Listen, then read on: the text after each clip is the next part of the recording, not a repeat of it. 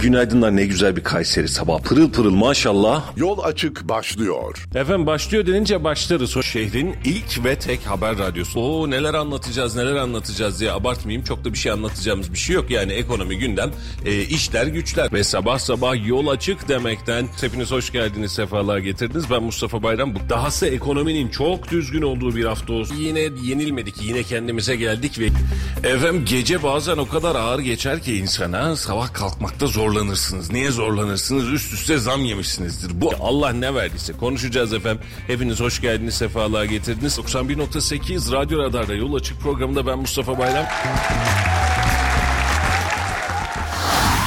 Radyo Radar yol açık başlıyor.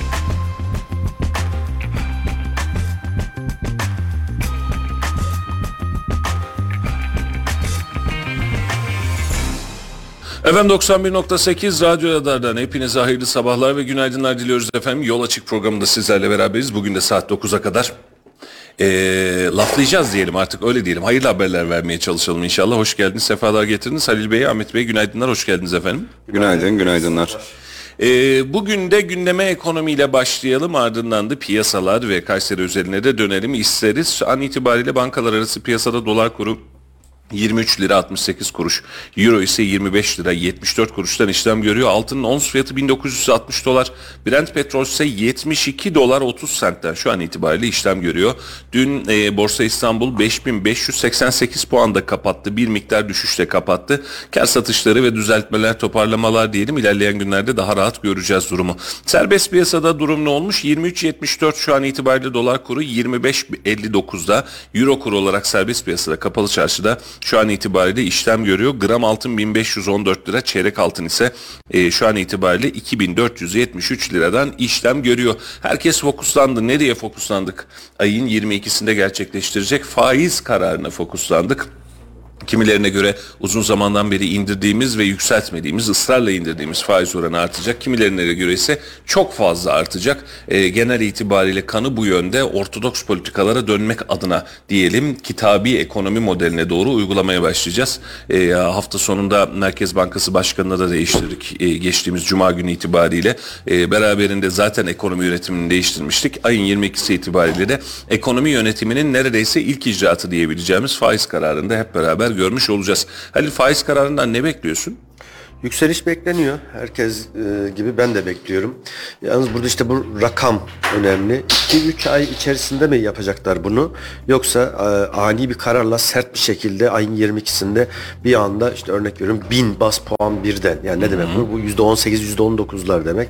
Sonrasında Temmuz Ağustos döneminde de e, 200'lük 300'lük e, bir artışlarla 23-25'ler seviyesine mi getirirler? Onu hep beraber göreceğiz.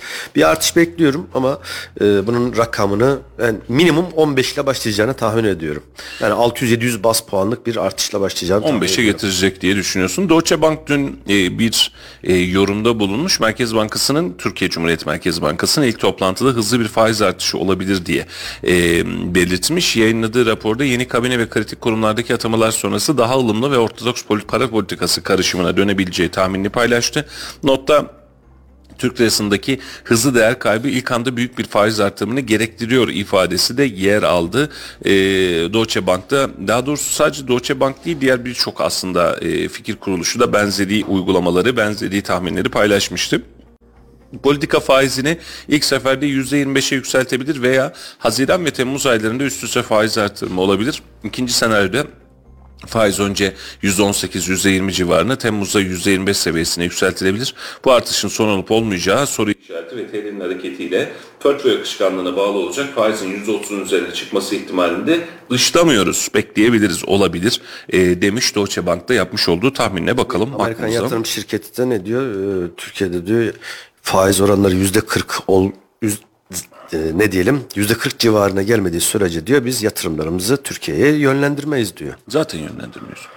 Yani %40 yapınca niye yönlendiriyorsunuz? ciddi bir rakam. Ya %40 e, faiz e, çok yüksek. Şimdi toparlanmak adına tabii ki maliye yönetiminin e, kararıdır ama e, yüksek bir faiz oranına getirip dolar pozisyonunu koruyup daha sonra yavaş yavaş kademeli düşüşler belki düşünülebilir. Ama her bir faiz kararı arasında bir aylık bir süre var. %40'lık bankalar arası faizi eğer oluşturacak olursanız bu serbest piyasada %50'ye yakın bir faiz oluşumu anlamına gelir. E, kaba tabiriyle o zaman da ticaret durur. Yani ticaret Tam anlamıyla bir resesyon demektir. Zaten son 1-2 hafta içerisinde Almanya resesyona girdik diye açıklama yaptı. Ardından İrlanda resesyona girdik diye açıklama yaptı. Ardından Finlandiya resesyona girdik diye açıklama yaptı. Bunlar resmi açıklamalar. Ee, Amerika Birleşik Devletleri'ne baktığımız zaman tüm işte FED'den olsun JP Morgan'a kadar hepsinin ortak söylemi Amerika resesyona giriyor. Bir taraftan e, temerrüde düşme dış borçlarda yaklaşık 21 ya da 22 trilyon dolarlık kısmı için temerrüde düşme ve bunun tehlikeli olduğu faizlerin artık düşmesi gerektiğine dair açıklamalar yapıyorlar. Resesyon tehlikesi Ağustos-Eylül döneminde çok yüksek ihtimalle diyorlar. Ee, bizim için de mesela aynı e, düşünce kuruluşları Türkiye içinde %25 %30'lar seviyesine faizler gelirse Türkiye'de de e, ekonomik durgunluk, üretim durgunluğu çok yüksek ihtimalle gelecek deniyor. Şimdi e, iki ucu da biraz pis bir dünyanın- değnek. Evet, e, böyle yapsak şimdi böyle, böyle yapsak dünyanın, böyle. Dünyanın genelinde eğer bunu konuşacak olursak dünya genelindeki bu ekonomik durağanlık ve resesyon dönemi Türkiye'ye yansır mı? Şu an itibariyle yüzde sekiz buçuk olarak uyguladığımız faizi, banka faizini hemen hemen hiçbir banka uygulamadı. E, aylık 1.8'den başlayıp 3'e kadar çıkan bir bant aralığında bir faiz oranıyla bankalar şu an itibariyle kredi kredi veriyor. Bunu ortalama 2.5 civarında hesap edecek olursanız bu da yıllık %30'a tekamül eder. Yani şu an piyasa %30'la işini gücünü döndürmeye devam ediyor. Ama %50 e, beraberinde %40 beraberinde piyasada %45-%50'yi vuracak bir e, orandan bahseder ki bunun anlamı şu cebinizde 10 milyon TL paranız var. 10 milyon TL parayla bir iş mi çevirmeye çalışırsınız yoksa bankaya atar bekler misiniz? %50 net kar kışkırtıcı bir kar kimse de o hareket tarzına girmez gireceğini de zannetmiyorum işin açıkçası. Şimdi faiz artırımında e, mutlaka bir artırım bekleniyor. Herkesin beklentisi o yönde ama e, ben çok ciddi afaki böyle bir rakamlar işte 8'den 18'e 8'den 20'ye falan gibi bir şey tahmin etmiyorum. Çünkü bu tür sert hareketleri e, çok e, sert tepkilerle karşılar piyasa. Mutlaka bunun etkileri 2018'de olacak. yaşadık. Artırım yaşanacaktır. Çok, çok kısa sürede 24-25'lere getirdik. 2018'in ekonomik şartlarla bugünün ekonomik şartları bir değil. O günün Türkiye'si de bugünün Türkiye'si değil. Öyle düşünmemek lazım. Yani piyasa çok farklı. Şimdi Mehmet o gün Mehmet Şimşek yoktu. Yani o gün e, işin başında da o yoktu ayrıca. Başka insanlar vardı. Başka atraksiyonlar yaptılar. Ha, ama artırım olacaktır. Atıyorum ben en fazla yani taş çatlasa e, 500 baş puanlık yani 8'den 12 13'e çıkabilir diye tahmin ediyorum. Ama bu kimilerine göre yine çok anormal bir artış olacak. Kimilerine göre de yetersiz olacak. Ya burada aslında iki yıldır yapmış olduğumuz şeyin faturasını ödediğimiz için iki yıldır kademeli kademeli düştüğümüz işi hadi bakalım bu saatten sonra görelim kıvamına getirdik. O dönemde hatırlarsanız e, faiz tek hanelere inecek diye ısrarlı bir açıklamamız vardı. İndi yetmedi bir 50 bir bas puan daha indirip 8.5'a kadar geriletmiştik. Ayın 22'si düğüm ve dün e, mesela şu an itibariyle e, serbest piyasada dolar üzerinden işlem yapan, dolara yatırım yapanlara da ufak bir uyarımız olsun. Altın yatırımcısına da ufak bir uyarımız olsun. Ayın 22'sinde gelebilecek karar şu an itibariyle 24 lira seviyesinde gezinen doların bir anda 23-22 seviyesine düşmesine sebebiyet 20'ye bile düşürür. Aynen Açık öyle söyleyeyim. düşebilir. Yani ciddi bir karar. E, böyle yüksek oranda öyle 600 700 ya da 1000 puanlık artışlar demek bir anda dolara 20 liraya 19 liraya çekmesi demek. Ciddi anlamda söylüyorum. Tabii canım tabii ki. Yani bu çünkü daha önce de hatırlarsanız biz faiz indirdikçe dolar artmıştı. Şimdi faiz indirdikçe de tersine doların düşmesine e, düş, be- bekleriz normal şartlarda. Bu e, bu alandaki yatırımcıyı biraz üzebilir. E, vatandaşa da dikkatli olması çağrısında bulunuyoruz. Tabii ki bunlar tahmin birer yatırım e, tavsiyesi değil. Özellikle altını çizerek söyleyelim. E, vatandaş da şöyle demesin. Abi öyle diyordunuz dolar düşecek dediniz. Dolar Allah göstermesin daha fazla arttı. E, biz ekonomik normal ekonomik standartlarda bunun beklentisinde değiliz. Çünkü tersine deneyimledik. Yani faizi düşürdükçe doların arttığını deneyimledik. Şu anda da e, faizin yükselince dolardaki ani bir düşüşü ortalama olarak bekliyoruz. E, bu otomatik otomatik olarak altında da bir düşüş anlamına gelir. Üretim ve tüketim maliyetlerinde düşüş anlamına gelebilir. E, bu bahsetmiş olduğumuz faiz arttırımı gerçekleşirse. Ama bunun tam tersine evet biz faiz arttırıyoruz ama 8,5'tan önce 10'a çıktık sonra 12'ye çıktık sonra 14'e çıktık gibi yıla dağılımlı bir e, tercih gerçekleşecek olursa o zaman dolardaki pozisyonu çok ciddi değiştirmez. E, burada da kapalı kutu olan e, Merkez Bankası'nın e, ve e, Maliye Bakanlığı'nın hareket tarzı bizim için önemli olacak. Ne çıkartacağını, politika faizini ne oturtacağını belli edecek. Ama öbür taraftan da üretime dayalı bir ekonomik model ne yaparsan yap. Faizler istesen %50'ye çıkar, %150'ye çıkar. İstersen 5'e düşür. Ne yaparsan yap. Enflasyonu düşür çıkar. Ama üretime dayalı bir ekonomik modeli baz almazsan bir gün gelir batarsın. Bütün her şeyin çıkar noktası, tek bir çıkar noktası Üretim, üretim. şart. Üretim, Tabii şart. paradan para kazanabilecek bir finansman modeli ya da bankacılığın dünyadaki e, merkezi filan değiliz. Bunun için İsveç mantığında paramız çok ve paradan da para kazanacağız diye memlekette ne oluyorsa olsun diyecek durumda da değiliz. E, bu politikalar önümüzdeki günlerde kendini belli edecek efendim. Biz de bekleyeceğiz. Göreceğiz bakalım. Me- Gör bakalım Mevlam neyler neylerse güzel eyler diyor. İnşallah memleket için hayırlı haberler çıkar. Dün itibariyle Bakan Kacır yeşil sanayi için finansman açıklaması yaptı. Bu piyasaları da birazcık hareketlendirecek gibi dün akşamüstü saatlerde gerçekleşti. Sanayi ve Teknoloji Bakanı Mehmet Fatih Kacır, Dünya Bankası ile hayata geçirdikleri Türkiye Yeşil Sanayi projesiyle 450 milyon dolarlık finansmanı sanayiciler, KOBİ'ler ve teknoloji girişimleri sunacaklarını belirtti. Böylece ihracatımızın %90'dan fazlasını gerçekleştiren Türk sanayisinin özellikle AB sınırında AB sınırda karbon mekanizmasını daha hazır hale getireceğiz dedi. Yeşil sanayi açıklaması e, güneş enerjisi, rüzgar enerjisi gibi alanlarda da bizim için önemli hale gelecek. 450 milyon dolar tüm, toplamdaki Türk sanayisinin çok büyük bir bütçe değil ama e, bakanlık tarafından yeşil sanayiye adım atılması adına bence önemli bir açıklamaydı. KOSGEB'e 250, TÜBİTAK'a 175 milyon dolarlık kaynak ala, e, oluşturulacakmış bu kapsamda. 250 milyon dolarlık e, kaynağın KOSGEB himayesinde kullandırılacak. TÜBİTAK'ın kullanımına ise 175 milyon dolarlık tahsis edildi. 25 milyon dolarlık kaynak ise proje faaliyetlerinin koordine edilmesi ve ulusal yeşil sanayi dönüşüm ajandasının uygulamaya konulabilmesi için kurumsal temellerin atılması amacıyla kullanılacakmış. Özellikle yeşil enerji, karbon salınımı, güneş enerjisi gibi e, meselelerle ilgilenenler için önemli bir haber olduğu kanaatindeyim. Önümüzdeki günlerde de bu haberin neye yansıyacağını çok çok daha iyi göreceğiz. E, ama e, yeşil sanayi e, bizde e, verisel olarak da niteliksel olarak da geçen gün aynısını konuşmuştuk hatırlarsınız. Önümüzde e, 12 ayın minimum 11 ayında tepemizde olan bir güneş var. E, bu güneşi ve beraberinde bu esen rüzgarı iyi kullanmak hepimiz için ideal olacak. Özellikle enerji açığımızı kapatmak adına. Bu e, destekler yeter mi bilmem ama daha fazla kalıcı destekleri de işin açıkçası Çok daha ihtiyacımız fazla var. bu sistemlere geçmemiz lazım. Bakın Avrupa'da birçok ülkede o 12 ayın 10 ayı ya da 11 ayı neredeyse bulutlu geçiyor. Adamlar bir ay iki ay ner- güneş görürse görüyor şükrediyorlar. Bizde tam tersi ama ee, hem bir şeyler yapılıyor, yapılmıyor değil. En son Konya'da kurulan güneş tarlası Avrupa'nın en büyük güneş tarlasını kurduk. Ama yetmiyor. Yani hem rüzgardan hem güneşten. Memleketin her tarafı rüzgar alıyor, memleketin her tarafı güneş alıyor. Evet. Özellikle e, Akdeniz bölgemiz, e, ne bileyim Güneydoğu, e, İç Anadolu. E, bunun için çok müsait yerler var. Hem rüzgar alanı, aşırı rüzgar alan yerler var.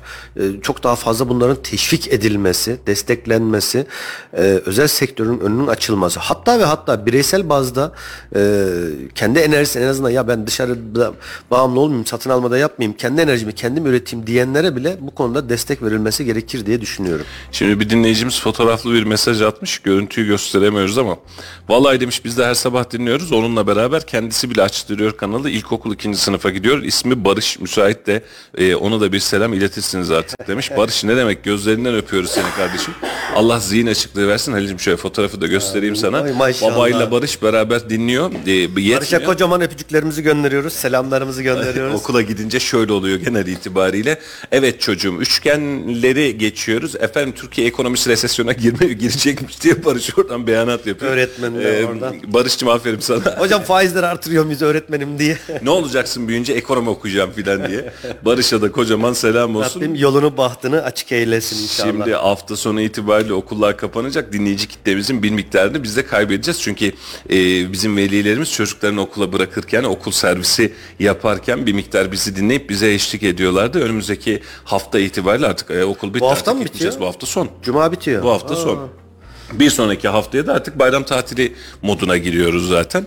Ee, o öğrenci e, dinleyicilerimizi sabah saatlerinde kaybedeceğiz ama onlara da güzel bir haberimiz var. Siz siz çok konuşmayacağız.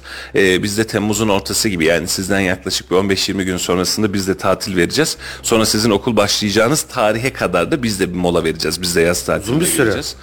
Geçen sene de öyle yaptık. Hadi sen yoktun geçen sene bizde ama Geçen yine sene yoktu. bir buçuk ay Birlikte ne, ne zaman başladık? Eylül, Ekim miydi? o civardaydı hemen. Program yaptınız. Yani genelde Yok, şöyle ben yapıyoruz. alıştım sabah erken kalkmaya. Ben gelirim yine.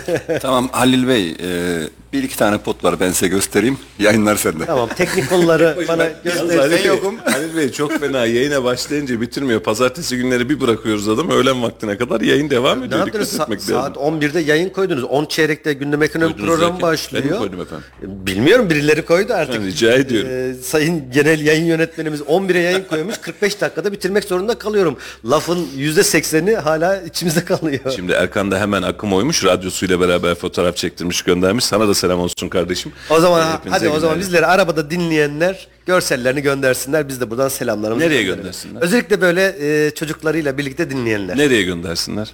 Ee, şeye 336 25 98. Evet, radyomuzun WhatsApp Hemen radyomuzun WhatsApp hattı e, 0352 532 falan değil 0352 Kayseri'nin alan kodu 336 25 98. Evet Serbülent dinliyormuş. Serbülent'ten de bekliyoruz hemen bir tane. Bak ben de dinliyorum diye.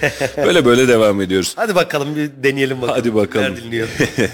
e, efendim hepinize yeniden hayırlı yolculuklar ve hayırlı günler diliyoruz. Memleket haberleriyle devam edelim. Bugün itibariyle asgari ücret ara zam için belirleme komisyonu saat 14'te toplantısını gerçekleştirecek. E, ve ilk toplantı oturulacak. E, asgari ücrette fark ne olacak? Ne kadar bir zamdan bahsedeceğiz? Bunu da hepimiz merakla bekliyoruz. Faiz kararı öncesi ve oluşabilecek enflasyon öncesinde asgari ücretin hızlı bir şekilde alınacağı ve hatta düşen doların etkisiyle de asgari ücretin bir miktar yukarıda kalacağı. Bu sayede hükümetin aslında seçim döneminde e, söz vermiş olduğu 500 dolar seviyesi e, ve eski bakanın daha doğrusu Vedat Bilgin'in söz verdiği 500 dolar üzeri seviyesinin görüleceği kanaatindeyim. Şu an itibariyle eğer 500 dolarlık bir e, fiyattan bahsedecek olursa e, şu an itibariyle 12 bin lira civarında bir rakam yapmış olacak ama doların o günkü pozisyonu itibariyle eğer 20'ler 21'ler civarında bir e, pozisyondan bahsedecek olursak da o zaman 10-11 lira civarında e, bir dolar kurundan bahse- e, bahsedebileceğiz. Bu da e, her türlü e, aslında e, asgari ücretin 10 bin, 500 11 doların bin, üzerine çıktı. 11 bin civarında olursa asgari ücret ve söylediğiniz gibi 20-21 TL'ler seviyesine gelir ise o zaman 500 doları geçer. Hemen bir fotoğraf daha geldi. Yener Yener, Özlem ve Deniz. Özlem. Hepinize selam olsun, günaydınlar olsun. Deniz'cim öpüyorum seni kocaman. İyi ki varsınız, hoş Kankam geldiniz. benim Deniz. de. evet. Deniz'im selamlar öpücükler gönderiyorum sana. Hazır bugün akım başlattık. Osman Bey e, WhatsApp hattımıza göndermiş. Osman Mermi iş yolunda dinliyoruz diye radyosunun fotoğrafını çekmiş. Selam Teşekkürler olsun. ediyoruz Selamlar. kendisine. Allah kolaylık Serbülent'i versin. o kadar andık. O da ekran görüntüsünü atmış. e, Instagram'dan dinliyoruz diye. Sana da selam olsun. Biliyorum dinlediğin oradan görülüyor. Orada yoklamayı daha rahat oluyoruz. Şimdi asgari ücrette e, karşımıza çıkacak rakam 10 bin liranın üzerinde olacağı kesin hemen hemen gözüyle. Hatta son tahminler 11 bin liraydı. Bir miktar geçeceği kanaatini gösteriyor. 11 bin 12 bin lira arasında bir asgari ücret zamından bahsedeceğiz. E, ama bu bahsettiğimiz son ara zam olabilir. Çünkü enflasyon dengesini ve fiyat istikrarını bu dönemde de artık yeni ekonomi politikasıyla sağlamak zorundayız. Vatandaş yorgun e, ve 8500 liranın satın alma gücü gerçekten sıkıntılı.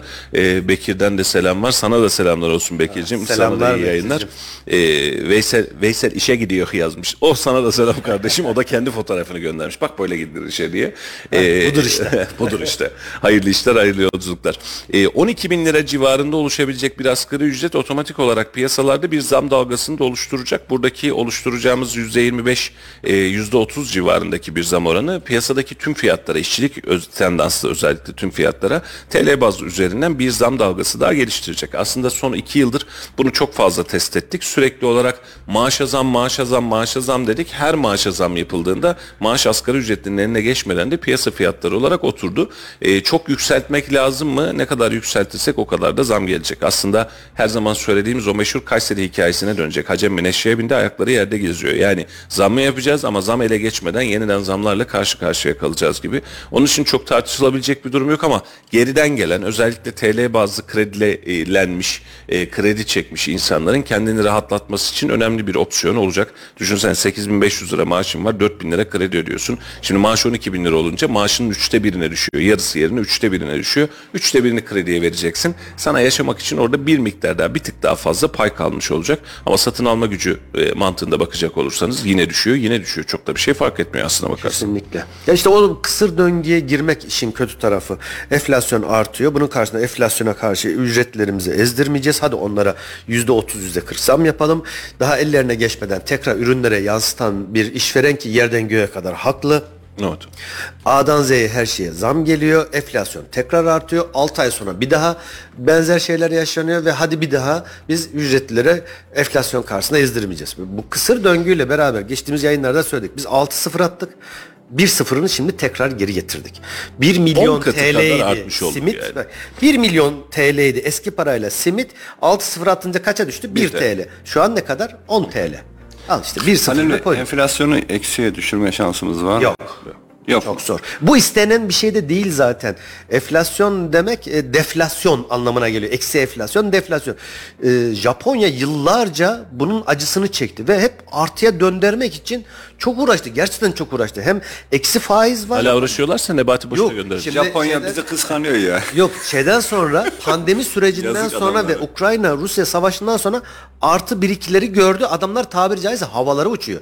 Yani sen bankaya e, 100 e, dolarım var örnek veriyorum ya da 100 TL'm var. Japonya'da bir bankaya koyuyorsun. Bir sene sonra 95 lira olarak alıyorsun.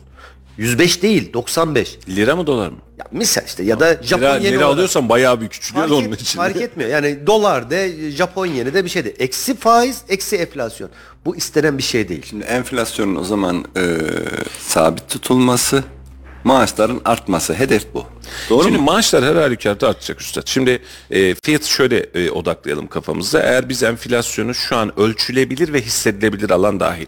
Şu an hissettiğimiz ve ölçtüğümüz birbirinden 2 yıldır 3 yıldır çok farklı. Yani biz %200 civarında bir enflasyon hissederken eğer TÜİK verilerine bakacak olursan son 4 yılın içerisinde %300 civarında zammı ancak toparlayabilirsin. Ama sen normal piyasa verilerine bakacak olursan minimum 5 kat arttı. Minimum 5 katı olarak arttı. Yani senin biraz önceki söylediğin e, kaç liraydı Ahmet Bey 5 yıl öncesinde ekmek 50 kuruş 55 kuruş 65 kuruş civarında ekmekten bahsediyoruz. Bugün itibariyle 5 liradan bahsediyoruz. Simit sen 6-0 atınca o simiti 1 lira hatırlıyorsun 50 kuruştan 25 kuruştan poğaça satıldığı günler vardı. Yani ciddi anlamda farklılıklar var. Şu an itibariyle 10 liradan satılıyor. E, biz enflasyonu ve daha doğrusu piyasa rakamlarını doğru okumadığımız için kendimizi yanılttığımız için bir de arada bir esnek bir boşluğumuz var. Yani mesela diyoruz ki efendim enflasyon yüzde 40 seviyesine yüzde 39-95 seviyesine düştü. Külahımı getirmiyorum. Getirsem onu anlatacaklar. Böyle bir dünya yok. Son iki yıldır hiç yok. Yani geçen yılın enflasyon verilerine bak. Bu yılın enflasyonlarına ve ne olur birbirimizi kandırmayalım artık. Yani öyle yüzde 50, yüzde 60, yüzde 80 enflasyon filan biz bunun son iki yılda, üç yılda müthiş derecede üstüne çıktık. Kim nereden bakarsa baksın efendim ev fiyatı, araba fiyatı, altın fiyatı, döviz fiyatı bakın nereden bakarsanız bakın. Çıldırmış gibi üst üste giden bir enflasyon oranı. Şu an pazarda her birimizin aynı sıkıntısı. Dışarıda yanlışlıkla yemek yemeye gitmeye görelim. Yani yanlışlıkla dışarıda kaldınız karnım aç yemek yemeye gideceğim dediğinde en kötü yani en kötü demeyeyim nimete saygısızlık olmasın dürüm alıyorum ve ucuz dürüm alıyorum. Öyle markalı falan değil yani bildiğin sokak dürümcüsü kıvamında dürüm alıyorum desen tavuk dürüm 50 lira 60 lira olmuş kardeşim. Sen bunu 3 liraya 5 liraya sattığın dönemleri biliyorsun. Şimdi enflasyon o senin bahsetmiş olduğun 1-0 atalım 2-0 atalıma yaklaşacağız neredeyse. Yani o da biraz abartı olur ama yani 1-0 at bir de yarıya böl kıvamına geleceğiz. Çok ciddi arttırdık. Ya o zaman e, benim ve bu işte teknik olmayan insanların dinleyenlerin anlayacağı dilde hükümetin şu anda yapması gereken ve yapmaya başladığı şey enflasyonun artış hızını frenleyecek hamleler yapmak, vatandaşın gelir seviyesini yükseltmek. Aynen öyle. Vatandaşın gelir seviyesinde de Ahmet Bey burada şu karşımıza Yani çıkacak. Şimdi bu senenin rakamlara boğulmadan net Bu söylüyorum. sene tabii Yani ki tabii ki. Şimdi yıl sonunun enflasyonunu açıkladık. Eğer enflasyonunuz gerçekçiyse maaşınızı enflasyon oranında arttırmanız da kaçınılmaz bir gerçek. Ama buradaki kastettiğimiz hadise şu. Biz anormal ve alım gücü dışında artık yani tamamen saçmaladığımız için. Şimdi bu sene ne kadar alıyorsun? 8500. Seneye kaç lira olur ki? 9500 olur misal. Şimdi beklentiyi ve yargıyı eğer bu anlamda oturtacak olursan sürdürülebilir olur. İşveren adından düşün. Şimdi çalışan diyor ki kendi içerisinde efendim ben 8,5 alıyordum 15 olmaz mı maaş? E, işveren yani çalışan bunu her zaman ister. Düşünsene adamın 20 bin lira maaşı var. Ya 50 yaparlar mı acaba diye beklemiyor mu? Herkes bekliyor. Ama toplu bir maaş zammı bireysel değil. Yani Ahmet'in Mehmet'in tek başına değil. Toplu bir maaş zammı enflasyonu beraber tetikliyor ve işveren için çok özür diliyorum. İşveren için de şu hale geliyor. Ya kardeşim ben ne kadar vereceğim? Maliyeti neye satacağım? Ben bugün itibariyle sözleşme yapıyorum Halil'le. Diyorum ki Halil'cim sana yıl boyunca örnek olarak veriyorum 20 liradan şu ürünü vereceğim. Yıl ortasında zam geliyor maliyetim 25 liraya. Halil'le sözleşme yaptım ben yıl boyu. Ya benim aklımda şöyle bir şey var şimdi. Asgari ücret verilebilecek en düşük ücrettir. Sanki bu bir standart haline gelmiş gibi gözüküyor. Şimdi aynı işletmede bir kişi asgari ücret alırken gözünü asgari ücret zammına dikmişken aynı işletmede başka işçiler 13, 15, 20 alanlar vardır. Biraz burada insanların hani ben neden e, 13, 15 ya da işletmenin işletme sahibinin bana daha yüksek maaş teklif edeceği bir e, pozisyona gelmiyorum ya da o şekilde çalışmıyorum düşüncesi yok.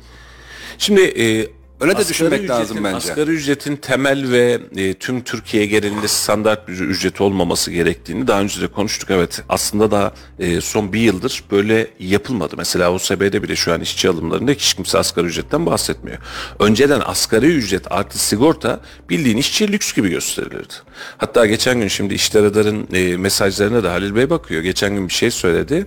Diyor ki İşler Radar'da bir ücret var işte yani o ilanı vermek için eğer bir paket istiyorsa farklı paket ücretsiz paketler var. O onu istiyorsa bir ücreti var. E, ben istihdam oluştururken diyor ücret vermeye kesinlikle karşı çıkıyorum diyor. Mesaj öyleydi yanlış hatırlamıyorsam. Şimdi vatandaş önceden şöyleydi işveren. Ben istihdam yaratıyorum. Şimdi bak hava bu. Bu da çok fazla kullanıldı ya. Ya istihdam yaratıyorsun kardeşim eline koluna sağlık da e, babanın hayrına hayır yapmıyorsun. Kimseye sadaka da vermiyorsun. Doğru mu? İstihdam yaratıyorum dediğin hadise senin işçiliğini halletmek için, üretimini yapmak için senin 1, 3, 5 ya da 100 tane daha personele ihtiyacın var. Bu personeller senin için hayır sahibi, hayır yapacağın yer değil. Bu personeller senin iş arkadaşın. İster asgari ücret ver. Sana para kazandıracak insanlar. Senin Tabii için çalışacak Yani bunlar senin insanlar. takım arkadaşın. Onlar çalışacaklar. Sen çalışacaksın. Sen finansmanı sağlayacaksın. iş modelini oluşturacaksın. Zaten bu adam iş modelini oluşturacak olsa senin yüzüne bakmaz. Bu adam da senin vereceğin 8 lira, 10 lira, 20 lira paraya eyvallah diyecek. Sen de çalıştıracaksın ve bu iş bitecek. Şimdi çalışan arkadaşlarımız ve işverenlerimiz her iki grupta var. İşverenlerin bir kısmı için, hepsi için söylemiyorum ama yanlış anlaşılmasın. Biz istihdam yaratıyoruz. Vallahi kusuruma bakmayın arkadaşlar. Biz de oluşturuyoruz aynı istihdamı da. Ee, babamızın hayrına şurada dursun da ben maaş vereyim. Bunun da durumu yokmuş. Ben buna aylık 8,5 ya da 10 lira para vereyim. Bir üstüne sigortasını yapayım filan demiyoruz. İki gün e, işi savsaklarsa, iki gün gün işe geçmez. gelmezse, gelmezse Gelmemeyi anında boş ver, kapının geç- önüne koyuyorsunuz. Şimdi Ha, o zaman e, bu bu, hayır karşılıklı- hayır mayır işi değil bu. Aynı şey reklam verirken de şimdi iş ilanı verirken de bizim e, radar hattında bazen görüyoruz. Ya birilerinin nasiplensin şunu bir paylaşın da. Ya sen her ay 10 bin lira para vereceksin adama. 3 lira şey vermiyorsun. Yani ilan reklam vermiyorsun. Bedavaya. Bir de böyle bir o hava var senin bahsettiğin. tabii, tabii, tabii. Ya biz insanlara iş sağlıyoruz kardeşim. Yani herkes önümüze serilsin. İşçi bulma kurumları şunlar bunlar önümüze böyle bir sıraya girsinler. Biz bir tane adam alacağız. Şimdi bunlar sen o adamdan kaç lira kazanacaksın? siyasetçi ve hükümet nezdinde istihdamı arttırdık, işsizlik rakamını arttırdık filan hani e, bunları konuşabiliriz. Yani siyasetçi bunu söyleyebilir efendim istihdamı arttırdık, işsizlik rakamlarını azalttık, vırt ettik, sırt ettik diyebilir. Ama abi sen işverensin. Yani bunun karşılığında sen ne kadar 10 tane personel alacaksın. 10 tane personelle iş verimini 2 katına, 1 katına, işte 3 katına, 5 katına çıkartacaksın. 10 tane sattığın üründen 30 tane yapacaksın. işin bitecek. Hepsi bu. Ama bu döngüyü yakalayamamak, bu havayı oluşturmak işveren açısından sıkıntı. Ee, ve bunun da gelir açısından da oradan aslında başka bir noktaya gelecekti. Bunun da gelir açısından da aynı noktayı söyleyelim. Yani şimdi işverenin sadece öngörülebilir ekonomi modeline ihtiyacı var. Aslında hepimizin. Doğru mu? Yani önümüzdeki yıl maaş ne kadar olur acaba dediğinde bugün 8500 önümüzdeki yıl 20 bin lira olur mu 15 bin lira olur mu diye düşünmememiz lazım bizim. Tamam 8500 belli bir enflasyon payı var 9200 olur. Örnek veriyorum. Bu da çalışana da yeter. O zaman da yetecek. Çünkü çok çıldırtan fiyatlar çıkmadığı için market grubunda gördük. Ee, 10 lira zam gelirken market grubu 30 lira zam yaptı. Mazota zam geldi bir daha zam yaptı. İşçiliğe zam geldi bir daha zam yaptı. Ya hepsinin toplamı bir de aslında. Ama daha önce bunu hesaplamıştık hatırlarsın. Maliyetinin içerisindeki işçilik yüzde on, Adam işçilik maliyetine zam geldi diye işçilik maliyetine %30 gelmiş diye tüm maliyetine %30 koyuyor. Hayır kardeşim senin işçilik maliyetin %10. Akaryakıt maliyetin, taşıma maliyetin, ulaşım maliyetin senin vermiş olduğun ürünün içerisinde %5 ama akaryakıta zam geldi diye tüm ürüne %15 zam yapıyorsun. Bu otomatik olarak da hatırlarsanız fahiş fiyat araştırması modeline girdi. Marketlerde, ürünlerde fiyatlar çok mu fahiş acaba diye oturup bunu incelemeye başladık. Bu psikolojiden çıktığımızda e, ekonominin ve enflasyonun aslında psikolojik ve sosyolojik bir olay olduğunu daha iyi göreceğiz. Aa bu kadar da artmıyormuş fiyat dediğimizde 10 liralık malı zam yapacağız. Maliyetler arttı ya 10,5 yaparsak yeter diyeceğiz. Doğru mu? Yoksa diğer türlü 14 lira yapalım da diyor. Bir sonraki zamma yetişebiliriz en azından zarar etmemiş oluruz diyor. Ya kabul edilebilir bir enflasyon rakamını bütün dünya bü- da büyümenin bir getirisidir. Bunu herkes ister. Japonya örneğini biraz önce verdim. Ama ülkeden ülkeye enflasyon kaç olmalı, yüzde kaç olmalı değişkenlik gösterir.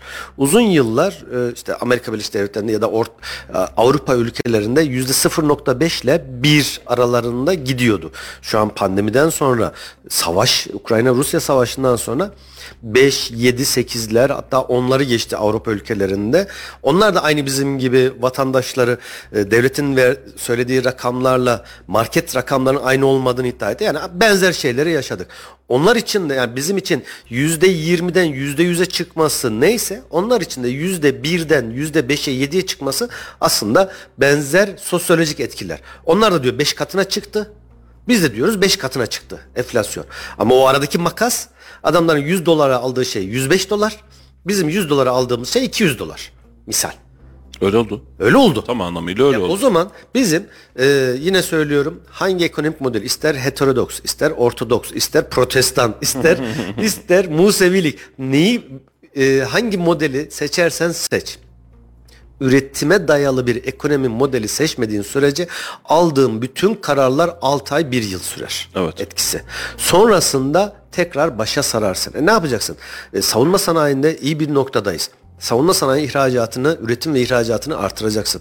Tarım, tarım politikalarında olması gereken rakamları üzerine çıkacaksın. bir zincir var aslında işin içerisinde ama şu an temel mesele ekonomi politikasının düzeltilmesi. Bir taraf- Ama e, dediğin noktaya şu anlamda katılıyorum. Efendim Maliye Bakanlığı'nı toparladık. E, faiz oranını biz kendi oranımıza göre belirledik. E, ortodoks sisteme geçtik dedik. İş bitiyor mu? Bitmiyor.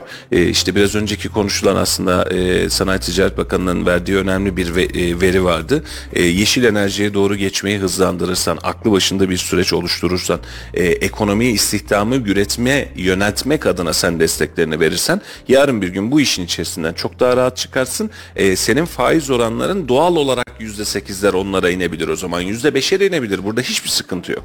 Ama sen üretim bazlı ekonomiyi oluşturmazsan, sürekli cari açık üzerinden gidersen e, ve bu cari açığı da vatandaşın gözüne gözüne hiçbir şey yok diye satmaya çalışıp buna göre manipüle edecek olursan 3 yıl sonra 5 yıl sonra biz aynı durumu yeniden yaşarız. Bir taraftan- Sonunda doks olmayan e, ekonomi modeli var mı Türkçe efendim? Efendim? Sonunda doks olmayan ortodoks, heterodoks, doks olmayan bir ekonomi modeli var mı? Liberal Bizim ekonomi modelimiz diye. var efendim. Kapitalizm. Kapitalist ekonomi düzeni var. Marksist ekonomi liber- düzeni var. Bizim Liberal ekonomi dersi. düzenimiz, yani açılımlarını bilmiyorum da o yüzden soruyorum. Ya şimdi or- Ortodoks aslında şey değil. E, kitabi yani aslında o birazcık abartılıyor ama mecburen öyle kullanıyoruz. Öyle kullandı ortodoks ve heterodoks.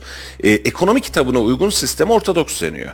Kitabın dışından konuşarak aslında kitaba uymuyorum ben. Yani Bizimkinin ekonominin adı neydi? kurallarına uymuyor. Bizimki heterodoks işte. Nas. Ha, Nas sebe e, evet Nas böyle emrediyor ibadetse. Bu arada ufak bir e, Mehmet Eroğlu kardeşimiz Adana'dan selamlar olsun demiş. Selamlar olsun size. Bayram Angı kardeşimiz dolar düşecek mi faizler yükselecek demiş. Evet muhtemel itibariyle yayının başında da konuştuk. E, dolarda bir düşüş pozisyonu bekliyoruz. E, faizin düşmesiyle beraber artacak faiz oranına göre de bu rakamı daha net öbür göstermek taraftan da lazım. bakın öbür taraftan da bizim ihracatçılarımız doların 25-26 liralar olması gerektiğini söylüyor. 25 doların altındaki tüm ihracat rakamları neredeyse zarar yazdığını söylüyorlar. Şimdi bu böyle bir beklenti de var. Ama biz faizleri artırırsak dolar düşecek. E, dolar düşerse 20-21 lira kadar düşerse ya da 22'ye düştü. Önemli değil. 23'e düştü.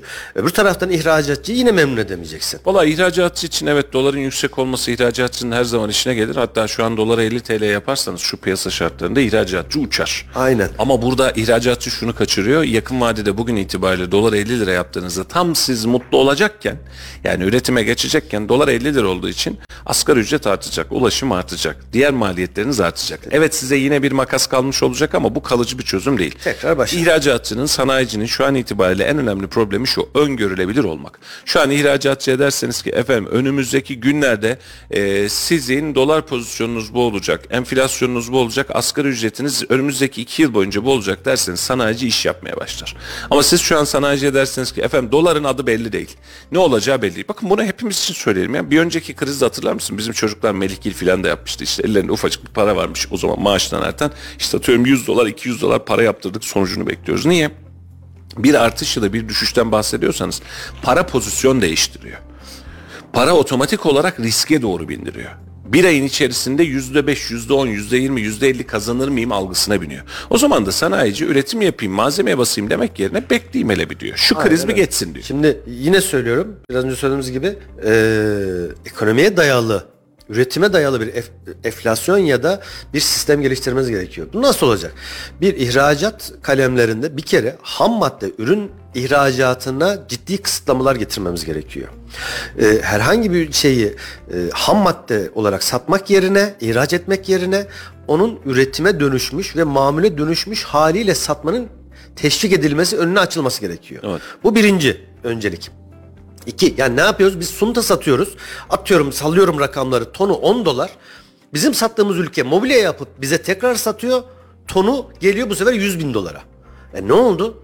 İşte üretimde Mobilyada- katma değer. Şimdi dediğimiz. mobilyada yine e, dışarıdan alımımız çok fazla değil ama şunu sadece hesap oradan edelim. örnek verdim Şimdi ya. şunu hesap edelim. Bunu hep e, uzun yıllar konuştuk ama ne yazık ki hatta bugün sabah da çocuklara aynısını attım. Bizim e, filozof da yayınlasınlar diye Kola Turkan'ın reklamı denk geldi bir. Şimdi e, biz kendi içecek grubumuz, kendi yiyecek gruplarımız dahil olmak üzere kendi iç pazarda üretebileceğimiz ve kendi markalarımızdaki ürünleri bir kez daha bir göz önünden geçirmemiz lazım Ayşem. Şimdi mesela ba- basit bir özellikle söyleyelim. Dünyanın en büyük fındık üreticisi kim efendim? Türkiye. Peki dünyanın en nitelikli tütün üreticisi kim? Türkiye. Dünyanın en iyi çay üreticisi kim? Bak bunların hepsi Türkiye. Yani en fazlası demiyorum. En iyi çay üreticilerinden biri. Hani İngilizce Hem de en fazla aynı Şimdi zamanda da. Bakın fındığı üretiyoruz. Elimize kolumuza sağlık. Çiftçimiz deli gibi fındık üretiyor. Fındık özellikle Karadeniz, Giresun vesaire bu bölgelerde fındıkta çok iyiyiz. Fındığı üretiyoruz. Fındık ezmesini Nutella'dan alıyoruz. Abi fındık benim. Kakao Afrika'nın. Biri karıştırıyor. Üzerine yabancı markasını koyuyor. Biz de gidiyoruz marketten. Bak bizde de var. En büyük hata bizde. Biz de gidiyoruz. Ben bu ürünü alayım diyoruz. Efendim ben fındığı satayım Nutella'ya. Sagra'ya nereyse. O gitsin yurt dışına satsın fındığını. Problemim yok. Dahası fındık benim. Ben kendi öz markamla yurt dışı pazarında ben de buradayım diyeyim. Yani şimdi kusuruma bakmayın. Hani rekolte belki biraz az olur, belki biraz fazla olur ama fındığın üretimini bu ülkede bitirebilir misin? Allah göstermesin hiçbir şartta bitiremezsin. Doğru mu? Var. E sen burada hep varsın.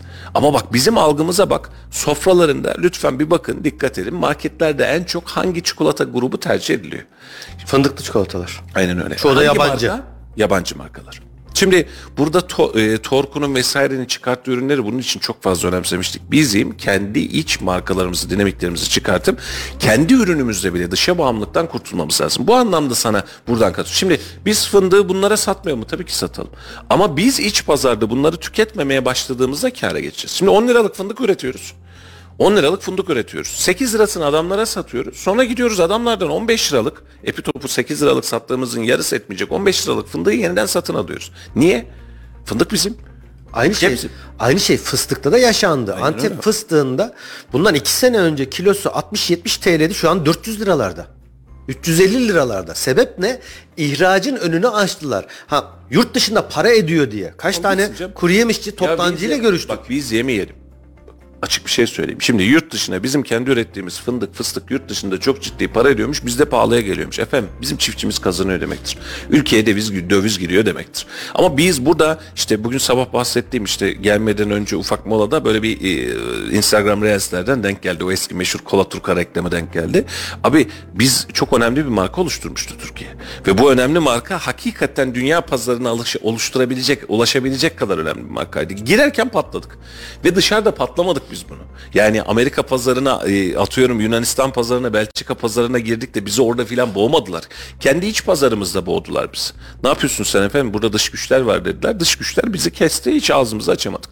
Biraz önce söylediğin tarım politikasında e, Emine Erdoğan öncülük etti. Ata Tohumu projesine bak. Ata Tohumu Bankası oluşturuldu hatta. Ama onun öncesinde bakıyorsun biz yerli tohumu yaptırmamak için insanlara her türlü eziyet ettik. Lisanssız tohum dedik. Bu lisanssız tohumu ekemezsin dedik. Bak daha yeni yeni bir mantık oturtmaya çalışıyoruz. Yerli tohumuzu oturtamadığımız için geçen bir tanesi çok güzel bir şey yazmış. Diyor ki ya hangi dünyada gördüğünüz tek tip mısırı? Önünüze bir mısır koçanı geliyor. Düşünsenize ya da patlayacak mısır. Hepsi tek tip.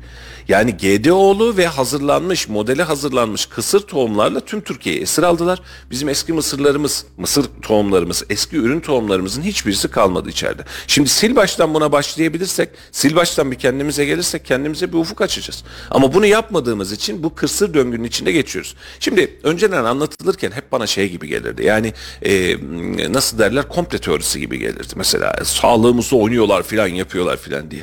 Ya en basiti son dönemde çok fazla duyuyorsunuz. Çölyak hastalığı. Küçüklüğünüzde çölyak hastalığı diye bir hastalık bilir miydiniz? Duydunuz mu? Ortaokul lise yıllarınızda filan Halicim. Hayır. Böyle bir hastalığın varlığından bile haberimiz yoktu. Şu an ekmeğe duyarlılık, glutene duyarlılık dediğimiz bir hastalıkla karşı karşıyayız. Ve yeni nesil gelen çocukların birçoğunda bu var. Düşünsene belediyeler çölyaklı çocuklar gençler için ürün üretmeye başladı. Bak o kadar var. Çölyak kafeler filan açılıyor. Nedir efendim bu gluten dediğiniz hadise? Ekmeğe nasıl duyarlı olabilir ki bir insan? Bizim bildiğin anadan babadan bildiğimiz en önemli besin maddemiz ekmek ya. Ekmeği yiyen ölüyor olsaydı ya da başına iş geliyor olsaydı bizim neslin hepsi gitmişti. Ekmekte büyüdük biz. Ekmeğine yedirirler. Ekmeğinden yederlerdi. Şimdi bakıyorsun ekmeğin buğdayın içerisine kattıkları ve genetiği değiştirilmiş verimi arttırmak için kattıkları iş sayesinde ve acıktırıcı gluten miktarı sayesinde şu an normal bizim anam babam usulü yiyebileceğimiz ekmekteki alacağımız glutenin yaklaşık 50 katını filan alıyoruz bu ekmekte. Ekmeği yiyoruz doymuyoruz. Doymadığımız yetmediği gibi bizi şeker hastalığını, obeziteye ve beraberinde de çölyak hastalığını otomatik olarak atıyor. Ya Ya geçen- hesabı bir yap. Daha Şimdi bunu- geçenlerde çok özür diliyorum. Bu yetmiyor. Sana bu glutenli olduğu için seni sana glutensiz süreç oluşturuyor ama senin şeker hastalığını tedavi etmek için, senin şeker hastalığını, kalp damar rahatsızlığını tedavi etmek, obeziteni tedavi etmek için sana yeniden bir ürün ve süreç sunuyor. Abi nereye kadar? Ve biz bunu Sağlık Bakanlığı nezdinde, Tarım Bakanlığı nezdinde dahil olmak üzere gözümüz kapalı devam ediyoruz. Siyez buğdayı, gacar buğdayı, siyez buğdayı ve gacar buğdayı biri Develi'de, e, biri Koca Sinan bölgesinde. Abi sil baştan bizim bu tohuma geçmemiz lazım. İki yıldır mücadelesini veriyorum. Bak Develi'de hatta şeker fabrikasıyla siloları kullanılabilir mi? Üretilime geçebilir mi? Kaytur bu ekmekten daha fazla çıkartabilir mi? Ata tohumu katkısız ve bayatlamıyor ekmek ya. Otur saatlerce ekmek ye sana kilo aldırmaz bak böyle bir ekmek. Ve biz bunu kaybetmişiz arada. Ve bunu yaparken de biz yine bunu sa- sakın dinleyicilerim yanlış anlamasın son 20 yılın politikası filan değil son 50 yıldır 60 yıldır bunu yaşıyoruz biz. Bizim olan yerli olan ne varsa kestik ucunu ve bizi hasta etmeye, bizi rahatsız etmeye, bizim ekonomimizi alt üst etmeye devam ediyor. Bir ayılmamız lazım da ayıltacak biri lazım. Dünyanın en büyük çikolata üreticisi aynı zamanda dünyanın en büyük e, diyabet ilaçlarını üreten firma. Aynı firma. Kim? Söylemeyeyim şimdi. Hem dünyanın en büyük çikolata üreticisi. Nestle mi? Nestle grubu. Aynı gitsin diye. Hadi söyledim Nestle grubu. Dünyanın en büyük çikolata üreticisi ama aynı firmanın ilaç firması da var. Bu da şeker hastalığına e, ilaçlar üretiyor. Aynı firma. Bir taraftan çocukları şeker hastası yapıyoruz. Örnek olarak söylüyorum. Diğer taraftan yaşı biraz ilerleyince şeker hastası olunca aynı kişiye bu sefer ilaç satıyorsun. Valla işte Bak biz ne yaptık çok özür diliyorum. Bor sattık. Yıllarca bor madeni sattık. Kilosu kaç liraydı ya da tonu özür dilerim tonu 110-120 dolarlar seviyesinde biz bor madeni sattık. Ham madde biraz önce söylediğim gibi. Bak Balıkesir'e bor karbür fabrikası kuruldu. Aynı e, fabrikada biz bor madenini işleyip artık dedik ki bor madenini satmayacağız. Evet. Bor karbür olarak satacağız. Bu sefer tonu 40 bin dolar. Şimdi aynı bor karbürden çıkmış olan ürünü çünkü aynı zamanda inanılmaz bir mukavemeti var. Savaş uçaklarında ya da gemilerde ya da İHA'larda, SİHA'larda kanat kısımlarında falan kullanılıyor. O hale getirip satarsan tonu 400 bin dolara çıkıyor Ahmet Bey. Bak ham maddesi 110-120 dolar işleyip satıyorsun 400 bin dolar. Akıllara zarar bir fark. Bu her grup için aslında geçerli. Ha, o yüzden diyorum ham madde ihracatını engelleyip mamul olarak satışın önünü açmak. Diğer taraftan da yurt dışından Türkiye'ye gelen ithal ürünlerde eğer ki ikamesi varsa Türkiye'de o ürünün atıyorum cep telefonu de, televizyon de, buzdolabı de, araba de, ne dersen de vergilerini aşırı derecede yükseltmek, Alınmasını engel. alınmasının önüne geçmek, iç piyasadaki yerli ürünlere yönelimi sağlamak gerekiyor. Ya bak bunu mesela otomobilde kendi markamız yoktu ama otomobilde yaptık. Ne yaptık? Mesela E, tuttu ki değil mi ya? Türkiye'de, Türkiye'de makam araçlarında Türkiye'de üretilen araçları alabilirsin dedik. Bu bile bir muafiyet sağladı. Yani yurt dışından ithal gelen araç yerine kardeşim Türkiye'de üretiliyor. Hangi marka var? Renault var mesela. Örnek veriyorum. Türkiye'de üretiyor. Ford var. Türkiye'de üretiyor. Bu aracı alabilirsin makam aracı olarak dedik. Şimdi bunu kamu nezdinde yapmak kolay. Vatandaş nezdinde de bizim buna dönmemiz lazım.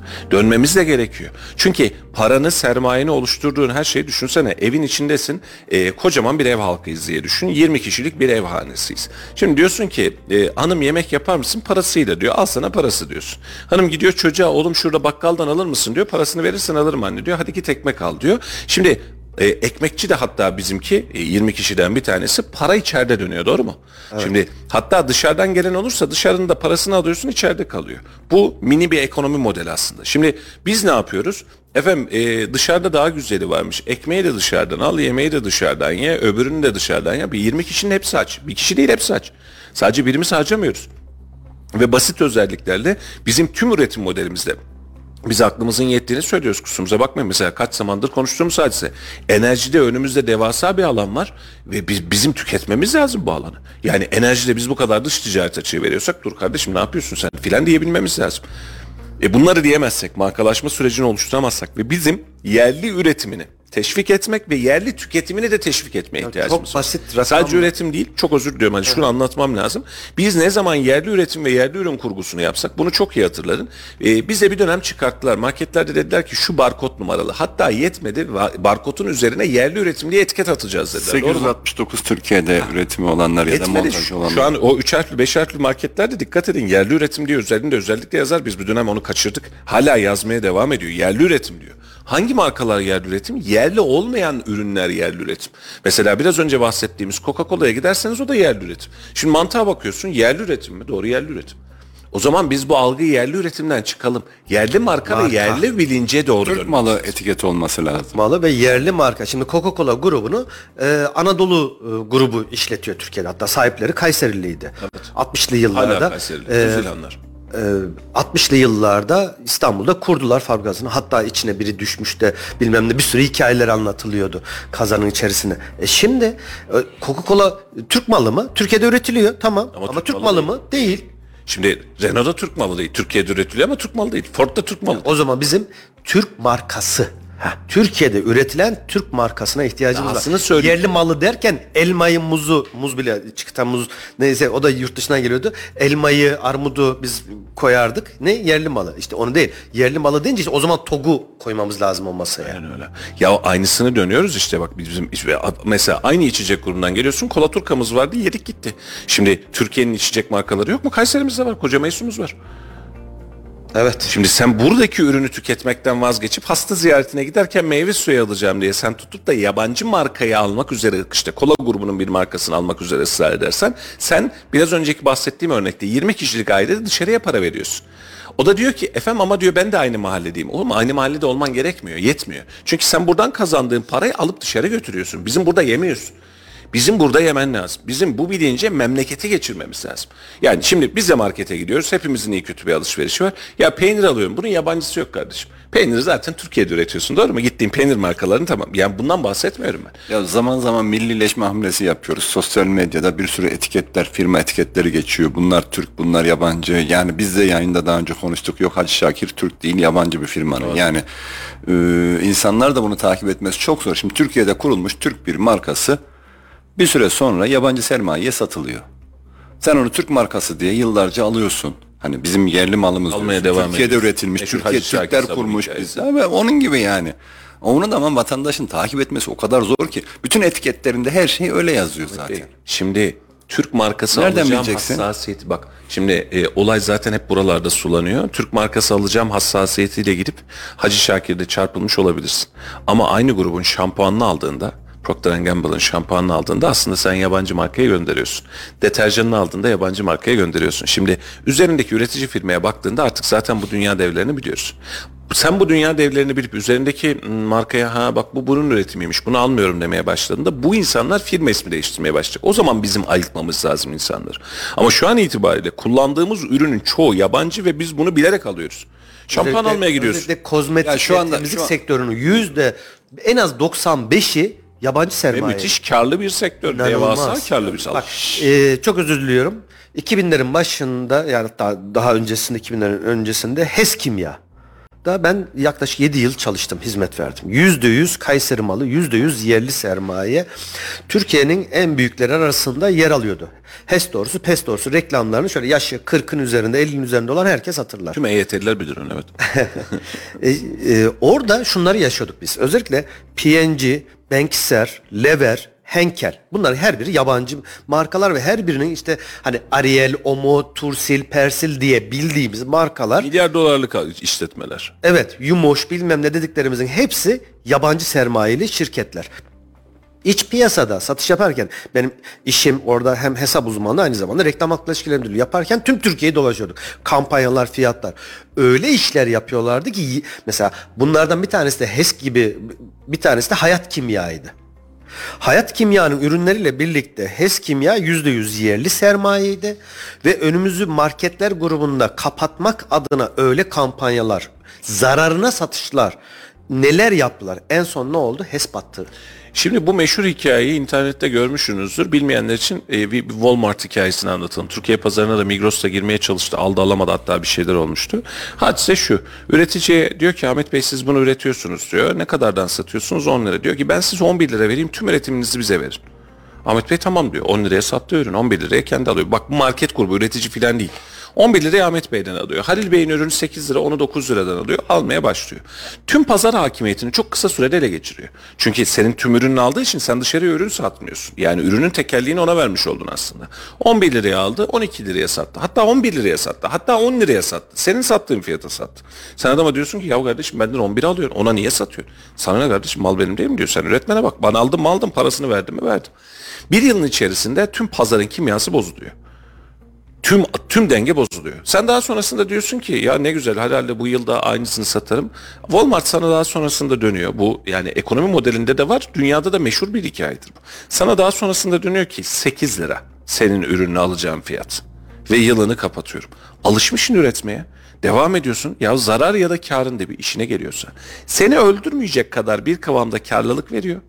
Sadece masrafını halledebilecek, evini geçindirebilecek ve seni tabiri caizse sömürge altına alıyor. Senin satış pazarın olmadığı için de çıkamıyorsun. Pazar onun. Sistemin içinden Biz bunu çıkamıyorsun. Kayseri'de mobilya grubunda isim vermeyeyim yaşamadık mı? Yıllarca söyle canım, 15 ismini sene de söyle problem değil. boydaklar istikbal grubunda yaşamadık mı? Organizenin yarısı istikbale çalışmadı mı? Aynen öyle. Oturup da maliyet hesabı yaparken istikbal bu maliyet hesaplarını çıkarıp üzerine yüzde beş, yüzde yediler vermedi mi? Benden başkasına mal vermeyeceksin demedi mi? Şimdi orada Yıllarca da bakın organizede bizi bir dünya firma izli- dinliyor. orada da bak Hadi yalan desinler. Bizim, bizim en büyük sıkıntılarımızdan bir tanesi şu oldu. OSB'de firmalar böyle düşünürken Boydak Holding'in TMSF'ye geçtiğinde şöyle yaptılar. Hmm, fırsat bize deldi. Hala biz Boydak Holding kıvamında herhangi bir firmanın ortaya çıkışını göremedik. Şimdi Evet. pazarda bir boşluk oluşacak doğru mu? TMSF'ye geçiyor. Çık kardeşim ortaya bu da çıkmıyor. Şimdi bizim e, planı önceden görmemiz lazım. Mesela televizyonda, radyolarda reklamlar dönüyor doğru mu? Bu ürün gruplarının da reklamları dönüyor. Rütük şunu yapamaz mı? Ya da bir e, Bakanlar Kurulu kararıyla ya da bir kanun taslağıyla herhangi bir şeyle bilmiyorum ya da Rütük bazıyla. Kardeşim sen ürün reklamı yaparken yabancı marka diye kenarına ibare koymak zorundasın. Bitti. Yabancı marka. Ya da yüzde yüz yerli marka. Yerli markadan bahsediyorum bakın. Yabancı koyamazsın da hangi ülkeyi nereye koyacaksın? Yerli malını belirtebilirsin. Yerli malını belirtebilirsin. Bunda sadece bunlar belirtebilir. Şart ne? Markanın kendisi yerli olacak. Şirket ortaklarının en az 151'i yerli olacak. Doğru mu? Üretimi Türkiye'de olacak. Bizim bu aksa doğru devlet eliyle önlememiz lazım. Ha bunu niye kim istemeyecek? Yabancı hiçbir sermaye grubu bunu istemeyecek. Çünkü sen kocaman bir pazarsın. Türkiye bazen kendini küçük görüyor. Bazı markalar da bizden çıkıyor mesela. Bilmem bir şey araba grubu artık Türkiye'de satışını yapmayacak. Şu marka Türkiye'den çıktı. Kardeşim 85 milyonluk bir pazarsın. Finlandiya diye bahsediyorsun hani böyle hevesli hevesli vesaire diye bahsediyorsun. Adamın yaklaşık 80 katısın. 80 olmazsa 50 katısın. 50 katı büyüklüğünde bir pazar düşünsene. Yani e, geçen gün bir yerde konuşuyoruz diyor ki mesela Finlandiya diyor marka patent tescil vesaire ya da uluslararası bu e, melek yatırımcı vesaire gibi modellerde çok öne geçmiş. Sebep ne? Pazar küçük. 1,5 milyon var elinde. Yani Kayseri kadar bir ülke düşün. Adam bir şey yapmaya çalıştığı zaman pazar belli abi alacak adam belli. Büyüyebileceği yer belli. Bunun için ne yapıyor? Dünya pazarına çıkıyor. Ama şimdi Türkiye'de durum ne? 85 milyon önünde bir pazar var. Bu sadece senin önünde değil. Bu yurt dışı pazarının da önünde. Sana 85 milyona 1 dolardan malzeme satıyorum dese 1 dolarlık 85 milyona sunabileceğim bir malzeme var dese 85 milyon dolar yapar. Çıldırtıcı bir rakam. Sana bunu ayda bir bir dolarlık senden para kazanıyorum dese ayda bir bir dolarını alıyorum. Kardeşim senin çok da fazla paranı almıyorum dese hesabını bir yapsana. 1 milyar 200 milyon dolarlık bir satış yapılıyor. Şimdi Devasa bir pazar var ortada. bu pazarı bu anlamda bedavaymış gibi ya da biz çok böyle e, atıl durumdaymışız gibi görmemek lazım. Biz dışarıya verdiğimiz ekonomik göstergenin dışarıya ver. Biraz önce aynısını söyledik mesela tütün pazarında da aynısını yaşadık dedim. Şu an itibariyle içilen sigaralara bakın vatandaşın elinde. Tekel grubunun ürünü kimsede kalmadı. Dört tane, beş tane farklı grup var ve her birinden sigara tüketiyoruz. Ya kardeşim bizim tekel grubumuzun mis ya tütünü burada üretiyoruz biz ya. mis gibi de demeyelim. Hakikaten mis gibi ya. Yani kimse kusuruma bakmasın. Camel sigarasını bilirsiniz. Bu bir sigara reklamı değildir. Üzerinde sadece Yunanistan dışında tüm e, dünyada seçilmiş Türk tütünü, Amerikan ve Türk tütünüyle yapılmıştır diye ibare vardır. Sadece Yunanistan'da yazmaz bu. Ve senin çok önemli bir tütün malzemen var. Dünyaya tütün satıyorsun. Ama kendi içimize bakıyorsun. Dünya markalarını burada tüketmeye devam ediyoruz. Abi sebep? Sebep ya. Bak Musa Bey yazmış sebebi şimdi selamlarımızı iletelim. Diyor ki en önemli konulardan bir tanesi diyor e, Türkiye'de yerli malı su markamız kalmadı diyor. Doğru. Neredeyse tamamı yurt dışı menşeili. Su. Firmalar Yani en yurt dışı kaynaklar bizde. Ya dışından doldurmuyorlar yani bizim kaynaklardan Kay- dolduruyorlar kaynak mı? burada ve birçoğunda Firmanın işlenmiş sahibi. su diyor. Doğal kaynak su da demiyor. Onlar işlenmiş su işletiyorlar. diyor. Onu da satıyorlar. Bir sürü işte kola grubunda da var. Diğerlerinde de var. Onun da ilginç bir hikayesi var. E, Hani- en sen eri- erikli İsraillere satılmıştı. Onun da ilginç bir hikayesi var. Ee, sizin kaynağınızdan çıkan suyu normalde kendi hazır o gazlı içecekleri var ya kola grubu vesaire. Bunu üretmek için kullanıyor. Ve bunu üretmek için ortalama 1 litre kolayı sana üretmek için 2 nokta küsür litre civarında temiz su kullanmak zorunda. Bu arada bu suya ihtiyaç var. Ne yapacağız? Suyun kaynağına gidiyor oturuyor. Suyun kaynağına oturduğunda suyu da üretmeye başlıyor. Suya ambalaj diyor. Pazarda diğer suları niye mahvettiler onu da anlatacağım sana. Kola grubu geliyor. Diyor ki suyu da benden alırsan kolanın yanında sana suyu bedava veriyorum diyor. Diğer markanın yaşama hakkı var mı? Ahmet Bey de su üretmiş. Bizim burada mesela Teki Su diye bir markamız var. Kayseri'de Abi ben bir de tane daha marka vardı bilir misiniz? Doruk Su diye bir marka vardı. bilmiyorum. Tek Fabrikası su var. dolum tesisi Kayseri'deydi. Ee, bir arkadaşım orada pazarlama müdürü olarak işte bölgeyi gezecek. Yeni fabrika ben tesise gittim. Tesisi gördüm. Böyle şeyler. Ee, nereden battılar biliyor musun? Şişe bulamadılar. Hani o plastik şeyler onlar da çünkü öyle böyle küçük böyle e, emzik gibi halinde m- kapsül halinde onu basıyorlar bunlara veriyorlar. Malzeme veremediler. Oradan bir patlak verdi. Tabii de ondan şey sonra var, ekonomik krizler dolum tesisi doruk su ya Pınarbaş tarafı mıydı şey mi gittiğim yeri Kayseri şekerin tam- pansusu var. Şekerin pansu vardı. O da bir Pansu ama Pansu ama birazcık daha böyle e, şey kötü haz- yönetimden dolayı. Yok yok yönetimden değil de o su şey değildi. Ee, kaynak suyu değildi. Yani üretim suyuydu öyle söyleyeyim. Hmm. Ama mesele şu. Bakın su pazarı kola grubu ne yapmış oldu bu sayede? Geldi Ahmet Bey de su satıyor öbürü de su satıyor. Dedi ki ben sana ücretsiz veriyorum. Dayadı abi suyu. Zaten kaynağı var elinde. Zaten suyun parasını fazlasıyla çıkartmış. Sen Ondan git sonra param istiyorsun dedi. Ondan sonra doldurdu verdi, doldurdu verdi plastik şu an, parasını. itibar- şu an itibariyle suyu gidin de alın marketten. Hangi e, 5 litre su en uygun sulardan bir tanesi e, şu anda 10 lira oldu. 8,5 liraydı. 3 gün içerisinde 10 liraya çıktı. küçük bir buçuk yani o 50 cc'lik sulardan bahset. Onlar bile iki, Ambalaj maliyeti çok yüksek ya. Şimdi ona girersek havalanın fiyatına gireriz. falan o olay başka yere gider. Liralar, 4 liralar 50 cc'likler. 3-4 Şimdi burada da bu stratejiyi görüp bunun önlemini alıp tekel grubunu tekelleşmeyi ve piyasayı manipüle etmeyi önleyecek bir ticaret bakanlığına ihtiyacımız var. Bakın üretim ayrı bir hadise. Bir de bizim ticaret bu bakanlığına suda ihtiyacımız yaşadığınız, anlattığınız olayın birebir aynısını işte o HES ve Hayat Kimya yani Bingo diye bildiğimiz marka ve HES ürünlerinde o Bankser'ler, Lever'ler, P&G grubu ki her birinin zaten hem yiyecek, içecek, temizlik, kozmetik her yerde ürünleri var. İşte bunları yaptılar. Evet. Yerli ürünleri ya bitirdiler ya da dediler ki Ahmet Bey e, önünde engel Ahmet Bey maliyeti 5 lira 6'ya satıyor. Ben de 5 liraya üretiyorum ama ben 10 liraya satıyorum. Dedim, gittim Ahmet Bey'e fabrikanın değeri kaç lira? Sallıyorum rakamları 5 milyon dolar. Al sana 10 milyon dolar dedim. Çekil kenara. Çekil kenara. Ya sattı ya da dedi ki ya ben dedi e, milliyetçiyim, muhafazakarım, satmayacağım, yedirmeyeceğim dedi. İnat etti. Sonra ne yapıyor? Üzerine bir oynuyor, bir senede batırıyor. O zaman da battı. Fabrika komple gidiyor. Ya sattı ya Bunu battı. yaptılar defalarca dünya kadar markaya Bingo grubuyla yaptılar. alakalı bir arkadaşım var işte bu deterjan işleri uğraşıyor. Yıllar önce bana söylemişti işte e, buradaki pH seviyesi 5.5 hani çok şey ve yerli malı diye ben yıllarca bingo aldım. Ondan sonra sanırım o da işte o hayat kimya falan artık ne hale geldiyse. O da satıldı mı öyle mi oldu? Yok hala Satıldı. hala yerli devam. sermaye. Bingo, fiyat, bingo, fiyat, bingo fiyat fena gitmedi ama ama şu yani. anda Bingo şu anda şu an iyi. ben size şunu söyleyeyim marketlere girdiğiniz zaman dostlar e, ürün etiketine değil sadece fiyat etiketine bakıyoruz. Yani fiyat etiketine bakarak gidiyor insanlar. Onda da e, Ahmet Bey bakacağız ama yerli markamız 1 lira fazlaysa onu almayı da tercih edeceğiz. Bu da vatandaş tercihi. Bu, bu para bizi batırmaz. Hani bunu da e, çok kısacık şunu söyleyeyim programın sonuna geldik. Buğday ve e, şey örneğinde yağ örneğinde gördük. E, biz kendi kendine yetebilen bir tarım ülkesiydik. E, 5 bin liraya atıyorum tonunu e, biz Türkiye'den satın almak yerine vakti zamanında efendim 3 bin liraymış Ukrayna'da dedik. Buğday için rotamızı Ukrayna'ya çevirdik. Ne oldu? İkmal yolları bir kapatıldı sen lap diye ortada kaldın. Şimdi o gün itibariyle 3 lira yerine 5 liraya almaya devam etmiş olsaydık, bizim üreticimize ürettirmiş olsaydık şu an dünyanın buğday deviydik. An itibariyle Ukrayna ve Rusya'nın patlaması sebebiyle. Yani e, her zaman ucuz olması değil mesele. Şimdi vatandaş mesela yerli ürünle alakalı bir gönderi bas vesaire yap. Siz de işte Türk tüketiciler şöyle yapıyor da diğerleri daha ucuz da değil kardeşim. Yani gerçekten değil. Bak yerel zincirleri, yerel market zincirlerini, yerel esnafı, yerel marketi, yerel bakkalı bunların her birisini teker teker yok ettik.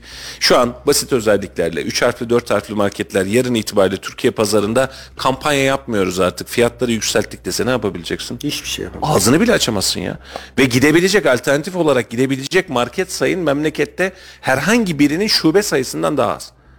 Yok kalmadı. Çoğu da yabancı zaten. Tabii tabii. Kalan. Bizim bir sürü yerel marka, yerel zincir marketlerimiz vardı gitti. Manavımız vardı gitti, bakkalımız vardı gitti. Niye? Efendim onlar daha pahalı. Ya müsaade edin de adam yaşasın. Sırf Kayseri'de Yaşasın yani. şube sayısı onun üzerinde olan kaç tane zincir market vardı? Valla bir dönem Bir enflasyonu sürü vardı var. ya. 8-10 tane çıkmıştı. Bir ya. sürü vardı. Şimdi İki tane ne kaldı? bir tane e, hani is- isim de verelim gurur da duyuyoruz Şahma Kayseri'nin. kaldı. Şehzade kaldı. Şehzade en büyüğü şu an herhalde 50 civarında marketiyle Şehzade kaldı. Hala direniyor. Hala ayakta kalmaya devam ediyor. Ya Şehzadenin de mesela bir ürününü koy ortaya vatandaş hemen diyor ki iyi de sizde bu. Ya kardeşim yerli grubun ya. Yani çalışanı yerli, sermayesi yerli. Adam bir şey olduğu zaman geliyor senin organizene bir yatırım daha yapıyor. Deposunu tutuyor. Üretim burada yapmaya çalışıyor. Şımarıyor dersin. Başka bir şey dersin ayrı bir hadise. Yerli marketin. Hatırlarsın Ahmet Bey o dönemi çok iyi bilir. Kayseri'nin yerlileri daha iyi bilir. Çünkü sen de çok çok iyi bilirsin. Beğendik iki kez. Ee, batıyorum ben Concord'da ilan ediyorum. Kayseri Nerelerde? kurtardı Veya yine. Kayseri kurtardı. Ha ikincisinde artık kendi de kurtulmak istemedi herhalde. Yani beğendik Kayseri'nin markasıyla yine sahip. Bugün olsa yine sahip çıktık. O zaman da sahip çıktık. Ya rafta ürün yoktu gittik yine alışveriş yaptık. Kesinlikle. Yani bunu burada bir yerli kıvamında düşünmemiz lazım. Hani milliyetçilik sadece vatan, millet, Sakarya, Hudur, e, hudutlar vesaire diye bakmıyor işe. Yerlilik ekonomide de yerlilik anlamına geliyor ve bizim bu kıvamı bir şekliyle oturtmamız Daha lazım. geçen hadi son sözler olsun. Geçenlerde basın toplantısında e, selamlarımızı iletelim. Selahattin Kılıç Bey, Şehzade Marketler'in yönetim kurulu başkanı. Ne dedi? Ben dedi e, manav reyonunda olanların tamamını Kayseri'den alıyorum. Kayseri'deki üreticileri destekliyorum. Ben de bütün toptancılarda marketimde koyduğum bütün ürünleri Kayseri'den bulabildiğim ne varsa pahalı da olsa Kayseri esnafından satın alma yapıyorum ve market rafıma koyuyorum dedi. Bu çok önemli bir şey. Hakikaten önemli bir şey ve yani şu an reklamını yapıyor gibi olmasın ama gerekiyorsa da olsun. Bizim Kayseri'nin mar- markası, Kayseri'nin e, bir dünya istihdam sağlayan bir markası bence desteklenmesi lazım. Programın sonunda e, Kayseri'nin ilk çok katlı mağazasının ismini de bir kere daha analım. İPA. Hatırlamam onu. Evet Kurşunlu Camisi'nin hemen yan tarafında bir iki blok oradaki blokları biliyorsunuz. Orada beş katlı bir yerde İPA vardı. Benim çocukluğumun marketidir. Biz o İlk döneme çok katlı mağazaydı. EYT'lilerden de önceki dönem bilir. Normal emekliler bilir onu artık. Ondan bir önceki tık, bir bizden bir önceki kuşak bilir bunu. Efendim e, bir yayının daha sonuna geldik. Yarın yine Allah'tan mani çıkmazsa e, yeniden birlikte olacağız. Bazen e, lafın gündemi başka bir yere gidiyor ama bunlar da gerçekten içimizin derdi, memleketin derdi. Konuşmamız gereken kısımlar. E, mesajlarınızla verdiğiniz destekten dolayı da hepinize ayrı ayrı teşekkür ediyoruz. Yarın Allah'tan mani çıkmazsa yine aynı saatlerde e, benzer gündemlerle ülkenin meseleleriyle, memleketin meseleleriyle yeniden birlikte olacağız. Sürçülisan ettiysek affola. Yeni yayınlarda görüşmek üzere efendim. Laf sokaklarımız var herhalde. Evet Kayseri'de yapılan spor aktivitelerini ve etkinliklerini nasıl buluyorsunuz diye sorduk. Bugün hiç girmedik spor camiasına ama bari vatandaşımızın sesini duyalım o Bir konuda. vatandaştan da bunu dinleyelim. Laf Sokak'ta ile sizi baş başa bırakıyoruz. Görüşmek üzere efendim. Hoşçakalın. Hoşçakalın. Çocuklara daha çok imkan sağlanmasını istiyorum. Doğru söyleyeyim mi? Hiç görmedim. Çocuklar için etkinlikler, spor etkinlikleri olsa güzel olurdu. Kayseri'de herhangi bir etkinlik görmedim. Belediyenin düzenlediği birkaç etkinlik falan var. Spor yapacağımız sahalar yok. Kayseri'de yapılan spor aktivitelerini ve etkinlikleri nasıl buluyorsunuz? Sizce neler yapılmalı? Yetersiz buluyorum. Yani imkan sağlanmıyor gençlere. Özellikle çocuklara. Yani sadece Kayseri açısından değil Türkiye, Türkiye açısından ben yetersiz buluyorum çoğu şeyi. Yani yurt dışında olan çoğu spor eee, spor dallar olsun, spor imkanlar olsun Türkiye'de hiçbiri sağlanmıyor. O yüzden Türkiye'den yeterli sporcu çıkmadığını düşünüyorum ben. Yani çocuklara daha çok imkan sağlanmasını istiyorum. Gençlerden çok eee 5-10 yaş aralığı daha çok yönlendirilmeli. Yurt dışındaki imkanların çoğunun buraya gelmesini istiyorum. Ama böyle bir şey olacağını da düşünmüyorum açıkçası. Çünkü burası Türkiye. Yani pek gitmiyorum öyle şeyler açıkçası. Yani konser falan. Çünkü genelde ergenlere hitap ediyor. Yani çıkan sanatçılar belli az çok. Yani Türkiye'de para kazanmak için herkes her türlü imkanı deniyor. Yani önüne gelen sanatçı öyle söyleyeyim. Doğru söyleyeyim mi? Hiç görmedim. Hiç görmedim valla. Yani konserdi, spor şeyiydi hani. Hiç denk gelmedi. 6 hafta geliyorum ama hiç denk gelmedi. Yaz döneminde. Kayseri'ye her şey yakışır. Gençlere her şey yakışır. Hayır. Hayır. İşte ne? Daha çok şeyler olabilir aslında. En daha çok şeyler olabilir. Birçok spor alanları kurulabilir aslında spor alanları. Ama pek yeterince yok. Pek konser olmuyor Kayseri'de genellikle ama olmasını isteriz. Pek fazla değil. Valla çocuklar için etkinlikler, spor etkinlikleri olsa güzel olurdu. Onları görmedim mesela. Oğlumun doğum günü var. Onun için bir sürü bir şey araştırdım. Pek bulamadım öyle bir şeyler olsaydı. Biz maçlara gidiyoruz. Onun haricinde öyle çok bilgimiz yok. Vallahi gençliğimizde oynuyorduk ama şu anda bilmiyorum ne kadar yeti ya artık oynayamıyor. Bilmiyorum yani şu andaki durumu yani. tesislerin arttırılması ya da halı sahaların arttırılması ya da tenis kortlarının arttırılması genel olarak söyleyebileceğim şeyler. Sosyal medyadan gördüğüm kadarıyla daha çok Ürgüp'e yoğunlaşmış bu etkinlikte. Yani Kayseri'de herhangi bir etkinlik görmedim. Hatta yani e, doğuya göre gezilebilecek alanların da çok az olduğunu düşünüyorum. Yani Kayseri'de herhangi bir aktivite yapabileceğim. Ya ben bilmiyorum ya da yok. E şöyle söyleyeyim size. Mesire alanının arttırılması lazım bence. E, bir numaralı yere bunu koyabiliriz. Onun haricinde yani AVM'lerle sınırlı genelde ama ben mesire alanlarının arttırılması ya da yürüyüş alanlarının, doğal alanların, parkların arttırılması yeterli diye düşünüyorum. Yani. Çok yeterli bulmuyoruz açıkçası. Aslında tam da spor çağındayız. Ama hani çok bir imkanı yok. İşte belediyenin düzenlediği birkaç etkinlik falan var. Daha büyük çaplı özellikle farklı sporlara yönelilebilir. Daha ana sporlar var yani futbol, basketbol gibi. İşte örneğin masa tenisi yapan arkadaşlarım var veya bilek güreşi. Hani zorluk çekiyorlar. Arkadaşım da bilek güreşi sporcusuydu mesela. Okulumuzda çok imkan olmadığı için çok zorluk çekti. Biraz daha üstüne düşülmesi gerektiğini düşünüyorum. Hani öyle forma giyip poz vermekle maalesef spora destek olunmuyor. Biraz daha aktif çalışılsa daha iyi olur. yeterli değil, artırılabilir ama e, bu yaz belediye maraton etkinliği yapmıştı. Ondan önce tekrar olmuştu. İkisine de katıldım. Bu daha sık yapılabilir, çok zevkli oluyor. E, final olsun, ikramlar olsun. Bence bunun artırılması lazım. Sadece maraton değil, tüm alanlarda olabilir bu. Ama maratonu çok beğenmiştim. O konuda tebrik ederim belediyeyi. Yeterli bulmuyorum ama e, sahalar da yok. Spor yapacağımız sahalar yok. Çok az. Etkinlik açısından çok haberim yok ama sahaların olmadığını çok çok iyi biliyorum. Çok da duyurulmuyor. Spor tesisleri daha fazla olmalı. Çünkü mahallelerde ne yüzme var ne şu var. Biliyorsunuz yaz tatili de geldi. Çocukları e, yani yakın olabilecek bir yerler yok ki gönderelim. Gönderebileceğimiz hiçbir yer yok. En fazla yüzme olmasını istiyorum Kayseri'de ama e, yok karate falan filan, kickbox falan filan var ama çocuklar için tabii avantajları var ama Ben çok tercih ettiğim bir spor dalı değil. Dolu dolu yüzme yerleri var. Dolu her yerde var. İnkar geliyorlar. Yeter daha ne olacak? Gidiyor çocuklar her yere bedavaca.